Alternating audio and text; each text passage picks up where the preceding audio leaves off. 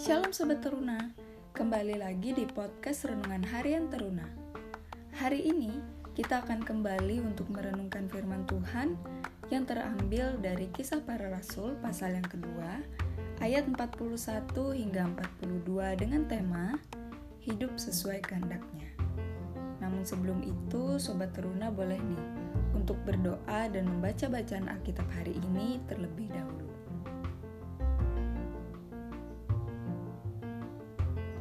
Berita tentang Yesus, orang Nazaret yang telah mati di kayu salib, bangkit pada hari ketiga untuk mengalahkan kuasa maut adalah Tuhan, telah membuat para pendengarnya merasa terharu. Hati mereka telah disentuh oleh Roh Kudus.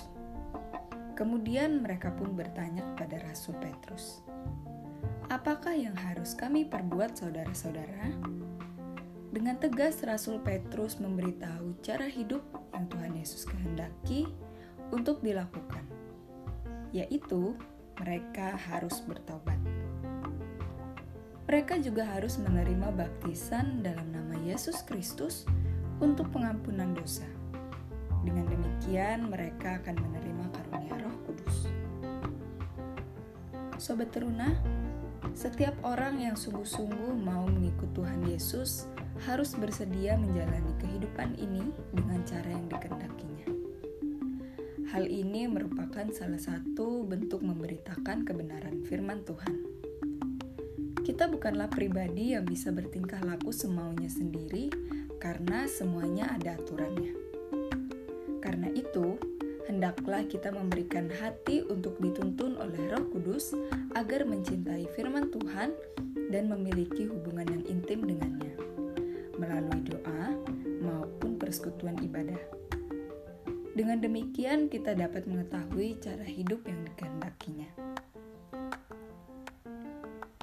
Jika kita menginginkan Tuhan dan kehendaknya menjadi fokus dalam kehidupan ini, maka kita harus mengisi pikiran kita dengan firman Tuhan setiap hari.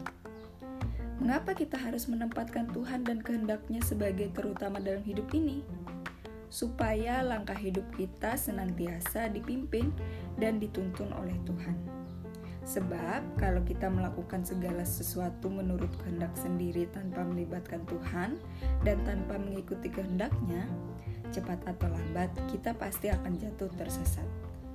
Oleh karena itu, apa saja yang hendak kita kerjakan dan rencanakan, biarlah kita serahkan sepenuhnya kepada kehendak Tuhan terlebih dahulu. Tuhan Yesus memberkati.